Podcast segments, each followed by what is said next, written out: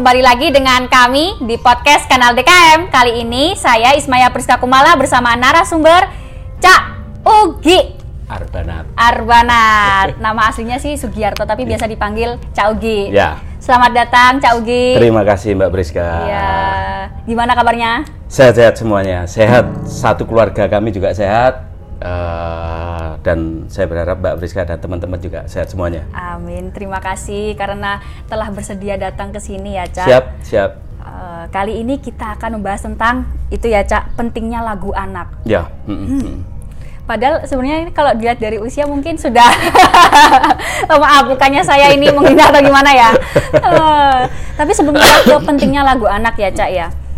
Kalau Cak Ugi sendiri musik itu sebenarnya artinya apa sih menurut versi Cak Ugi? Uh, musik, musik, musik. Musik itu secara sederhana menurut saya sih uh, secara sederhana ya. Iya. Adalah bunyi. Bunyi. Bunyi. Hanya itu saja, bunyi titik cukup. Itu adalah musik. Akan tetapi akan akan banyak hal yang harus digarap, harus banyak hal yang dibedah dan diselesaikan. Di antara lain mungkin ada harmonisasi. Harmonisasi itu kepaduan antara instrumen satu dengan instrumen yang lain, kemudian dinamik naik turunnya nada sehingga seolah-olah uh, musik itu punya nyawa. Iya. Nah, seperti hidup. Nah, seperti itu Mbak Brisa. Iya.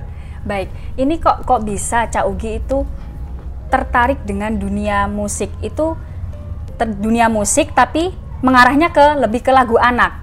Itu Cak Ugi itu megangnya di bagian apa ini kalau misalnya musiknya itu, alatnya? Oh ya, kalau alat, ya. saya mayor saya ada di alat musik gesek, biola. Kemudian uh, saya mencoba untuk membuat, menulis dan membuat nada untuk lagu-lagu anak. Itu aja sebetulnya sederhana. Lek bosone Malang itu yeah. nggarap lagu ndek-ndekan, ndek-ndek cur. Ndek-ndek sur apa ndek-ndek cur? Boleh ndek-ndek sur kalau bahasanya Mbak Priska ndek-ndek sur boleh. Nah, kalau di kita mungkin ndek-ndek cur. Iya, itu ndek-ndek cur kok eling. Yeah. Garapan sederhana aja. Tapi uh, saya rasa mungkin dengan saya menggarap dan teman-teman yang lain yang pegiat dan peduli dengan lagu anak mungkin ini bukan sesuatu hal yang hanya sederhana aja. Saya anggap dan kami anggap penting, penting sekali ya. ya. Pentingnya lagu anak karena berbagai macam permasalahan sekarang ini.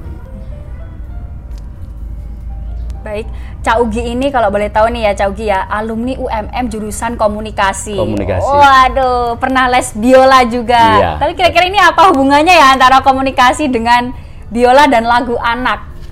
Uh, ilmu komunikasi banyak yeah. membantu saya. Yeah. Uh, mungkin saya dulu tidak punya keahlian untuk uh, tidak punya kecakapan untuk berdis, uh, berretorika, untuk ngobrol uh, dengan di ilmu komunikasi itu saya banyak belajar hal-hal semacam itu. Dan kalau orang lain, loh kok kesibukannya tiap hari kok berkesenian uh, saya pikir komunika ilmu komunikasi memberikan peranan banyak dan memberikan ilmu saya untuk uh, menjadi jembatan sebagai seorang pekerja seni. Oh, baik. Bahkan mungkin musik itu juga sebagai komunikasi ya, Cak ya. Musik sebagai komunikasi tapi melalui ritme atau kata-kata seperti betul. itu ya. Iya, yang betul. itu dibalut dengan estetika dan iya. etika. Waduh. Betul, Mbak Rizka. Cak Ugi, kok bisa sih terkenalnya dengan Ugi Arbanat? Itu kenapa itu? Nah, ya. Itu berawal dari awal saya belajar main biola tahun 90-an, saya lupa tepatnya. Uh, karena guru saya sudah almarhum, namanya Pak Salim, rumahnya di Ororotowo. Pertama kali saya belajar itu diajari selama mungkin dua bulan tiga bulan itu hanya bowing, bowing itu hanya menggesek aja, belum masuk fingering. Nah, begitu saya habis les pulang di rumah saya bowing terus ngok ngak ngok. kemungkinan tetangga saya itu merekam ya arek iki lapo yeah. kok ngaku ngaku gak ono gak ono juluntrungane gak ono yeah. nada yang bagus Nah, begitu saya keluar mau berangkat les, kok tiba-tiba teman saya ada yang nyelentuk, eh mikir-mikir ono untuk dolar banat liwat. Nah, itulah awalnya. Nah, pada saat itu saya kok waduh mau angkel di pada karo tukang arbanat ya. Hmm. Tahu arbanat? Enggak sih, apa sih itu? Kalau mungkin di daerah Mbak Priska itu arum manis. Oh. Orang yang jualan gula-gula itu. Iya, iya, tahu.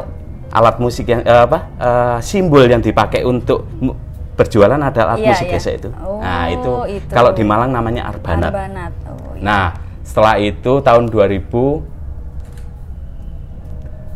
eh, kata itu juga yang akan saya pakai kelompok saya yang namanya Arbanat String Ensemble itu. Rumah musik Arbanat. Ya, rumah. Tepatnya uh, tempat ngumpulnya di rumah musik Arbanat di tempat saya di Tasikmadu. Itu fokusnya kepada lagu anak-anak saja atau bagaimana itu? Cak? Awalnya tidak, awalnya tidak. Jadi uh, karena basic saya dan teman-teman Arbana String Ensemble itu uh, garapannya adalah musik klasik nggak uh, tahu itu apa yang digarap tapi yang yang ringan-ringan lah tidak anu seperti Beethoven lagunya Beethoven Mozart John Sebastian Bach yeah. dan sebagainya uh, biasanya yang kami garap yang dendean itu uh, yang isi bisnisnya lagu klasik karena lagu-lagu uh, yang yang umum dan pada saat itu partitur yang tersedia yang paling banyak hanya itu. Kemudian uh, mulai dari tahun 2000 kita baru konsentrasi dan bikin kesepakatan kayaknya kita harus uh, kalau kita hanya menggarap repertoar itu kayaknya sudah banyak, sudah umum gitu. Uh, maka saya dan teman-teman Arbana String Ensemble komitmen untuk uh, membuat satu kegiatan yang namanya kami beri nama Roadshow Agustusan Simfoni Cinta Tanah Air Waduh. bersama Arbanat String Ensemble. Itu Mbak, iya. kita dan teman-teman mulai proses awal uh, dan saya memberikan ruang pada teman-teman Arbanat untuk menulis mengaransemen ulang lagu-lagu nasional, lagu daerah, lagu dolanan untuk tulis saja partiturnya semuanya, bikin kuartet string, kemudian kita share, kita latihan. Setelah sudah terkumpul semuanya, kira-kira awal itu kita garap 25 lagu nasional, lagu daerah, lagu dolanan. Kita mulai roadshow SD to SD. Kita masuk ke SD 1, SD 2, SD 3 untuk uh, mengajak adik-adik nyanyi lagu nasional, lagu daerah, lagu dolanan anak-anak apa sih yang menginspirasi Cak Ugi kok kenapa harus lagu anak? Nah, itu nah, dia. itu karena uh, pada saat itu juga tahun 2000 awal itu yeah. Ya. uh, ada ada kita diskusi dengan teman-teman Arbanat String Ensemble uh, ada satu kegelisahan kita yang bareng yaitu bahwa anak-anak sekarang hampir tidak mengenal lagu-lagu daerah, lagu-lagu nasional itu yang pertama. Kemudian lebih mengerucut lagi adalah anak-anak sudah tidak pernah tidak mengenal lagu-lagu yang seharusnya dia konsumsi, lagu-lagu hmm. anak. Nah, ya. makanya itu kami bersama Urban Ensemble giat sekali untuk menulis uh, lagu yang sudah ada, misalkan lagu-lagu nasional, lagu uh, Indonesia Pusaka, kemudian Tanah Air, Tanah Airku, dan lain sebagainya itu kita tulis ulang. Kita buat roadshow dengan uh, apa ya maksud ya campaign tentang lagu ramah anak. Kemudian mengembalikan bahwa eh, anak-anak sekarang hampir tidak tahu lagu nasional, lagu daerah dan lagu dolanan. Itu Mbak Priska. Sebetulnya itu aja kegelisahan yeah. sederhana aja, hal yeah. sederhana aja. Kemudian kalau kita hanya gelisah saja, yeah. tidak berbuat, tidak bertindak, ya muspro ya yeah. nguap gitu aja. Yeah. Makanya uh, selama hampir 18 tahun kita teman-teman Arbanat Ensemble, String Ensemble itu melakukan roadshow. Kadang-kadang dalam satu bulan itu kita mendatangi 25 SD kadang-kadang 15 kadang jadi kita kita apa uh, teknisnya itu nawari nari ke teman-teman. Oh. bisanya tanggal berapa aja lalu untuk respon dari sekolahnya sendiri itu bagaimana Cak Ugi? Apakah mereka terbuka dengan senang hati kedatangan dari grupnya Cak Ugi atau bagaimana? Ya, namanya apa? Uh, respon dinamikanya juga ada juga ada yang uh, menolak juga ada, ya. yang menolak juga ada. Ya nggak apa-apa. Ya. Kita ditolak juga nggak apa-apa. Memang ya. memang kok eh nggak meyakinkan delok delok prejengan kita. Nah akhirnya uh, kita tetap berusaha aja. Tapi uh, dari mungkin yang sudah kita lakukan mungkin ratus uh, seratus lebih titik ya sih yang sudah kita lakukan. Mayoritas responnya sih positif dan mereka welcome. Dan ada satu kejadian pernah uh, waktu itu bulan puasa tahun 2005 kalau nggak saya saya ingat saya Agustus bulan puasa itu.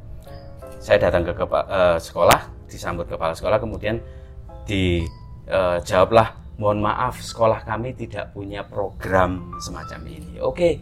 Nah, waktu itu masih ada ada kepala eh, kepala sekolah itu merger memegang dua sekolah. Kepala sekolah itu ke sekolah berikutnya. Saya dicegat sama guru uh, guru bu guru siapa saya lupa. SD-nya nggak usah saya sebut. Ya. Kemudian, Mas, nggak apa-apa dilaksanakan aja di sini. Saya yang tanggung jawab. Yakin bu? Ya akhirnya kita laksanakan dan pada saat kita melaksanakan tiba-tiba kepala sekolah itu datang. Dan ya akhirnya nangis mereka lihat suasana mereka e, melihat adik adik-adik SD yang saya ajak nyanyi bareng dengan semangat. Tiba-tiba baru ngomong sorry e, mas saya tidak saya tidak tahu kalau programnya ternyata semacam ini semacam menarik ini. Ya, ya salah satu dinamikanya seperti itu. Yeah.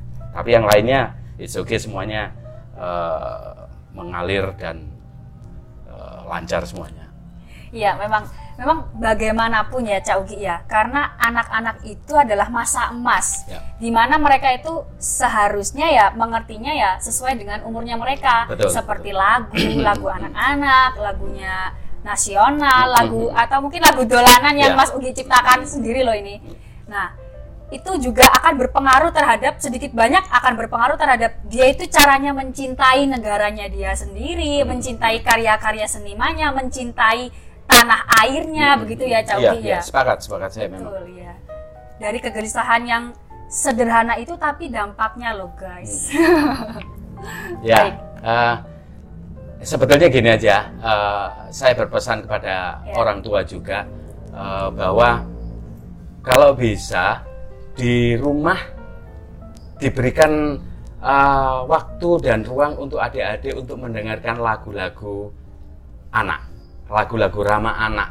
Jangan yang di setel itu lagu-lagu ini mohon maaf lagunya orang tuanya mungkin karena, karena sedang dangdut atau TikTok atau apa ya. Yeah. Mohon mohon ini jadi perhatian. Jadi uh, ini akan kita rasakan 10 tahun berikutnya Mbak Rizka. Jadi ke depannya kita akan rasa sendiri bahwa uh, apa uh, identitas keindonesiaan kita akan luntur dan lain sebagainya ketika itu. Iya. Dan ayo kita mulai dari sekarang, bapak-bapak, ibu-ibu, kita jaga adik-adik, kita selamatkan adik-adik dengan memberikan salah satu adalah materi uh, lagu, lagu ramah anak. Iya. Ya, ini jangan dijadikan sebagai kegelisahan seniman saja tapi orang tua Bersama. iya Bersama. dukungan dari ya. orang tua dukungan dari guru dukungan dari lingkungan pun betul. juga ya Cak ya, ya. Betul. ini akan berpengaruh terhadap perkembangan anak itu ya. sendiri baik terima kasih ya Cak atas kesempatannya kali Siap. ini semoga Siap. bermanfaat dan harapannya bisa tercapai ya. oh ya habis ini masih ada proyek apa lagi nih Cak Ugi uh, atau bikin lagu apa gitu uh, ada beberapa lagu yang sudah saya tandon tinggal garap aja. Uh, selama ini yang sudah ada su sudah saya rekod ada delapan lagu. Dan ada di apa channel YouTube saya ada. Kemudian masih banyak sih proyek untuk Aro dan nanti saya ajak adik-adik untuk nyanyi di oh, sini iya. habis ini. Anaknya sendiri juga diajak. Tadi juga aku habis melihat anaknya nyanyi sama teman-temannya. Baik Caugi, semoga sukses selalu, siap, sehat selalu. Siap, Semoga bermanfaat ya teman-teman kali ini podcastnya. Sampai ketemu lagi di tema host dan narasumber yang lebih spektakuler. Dadah.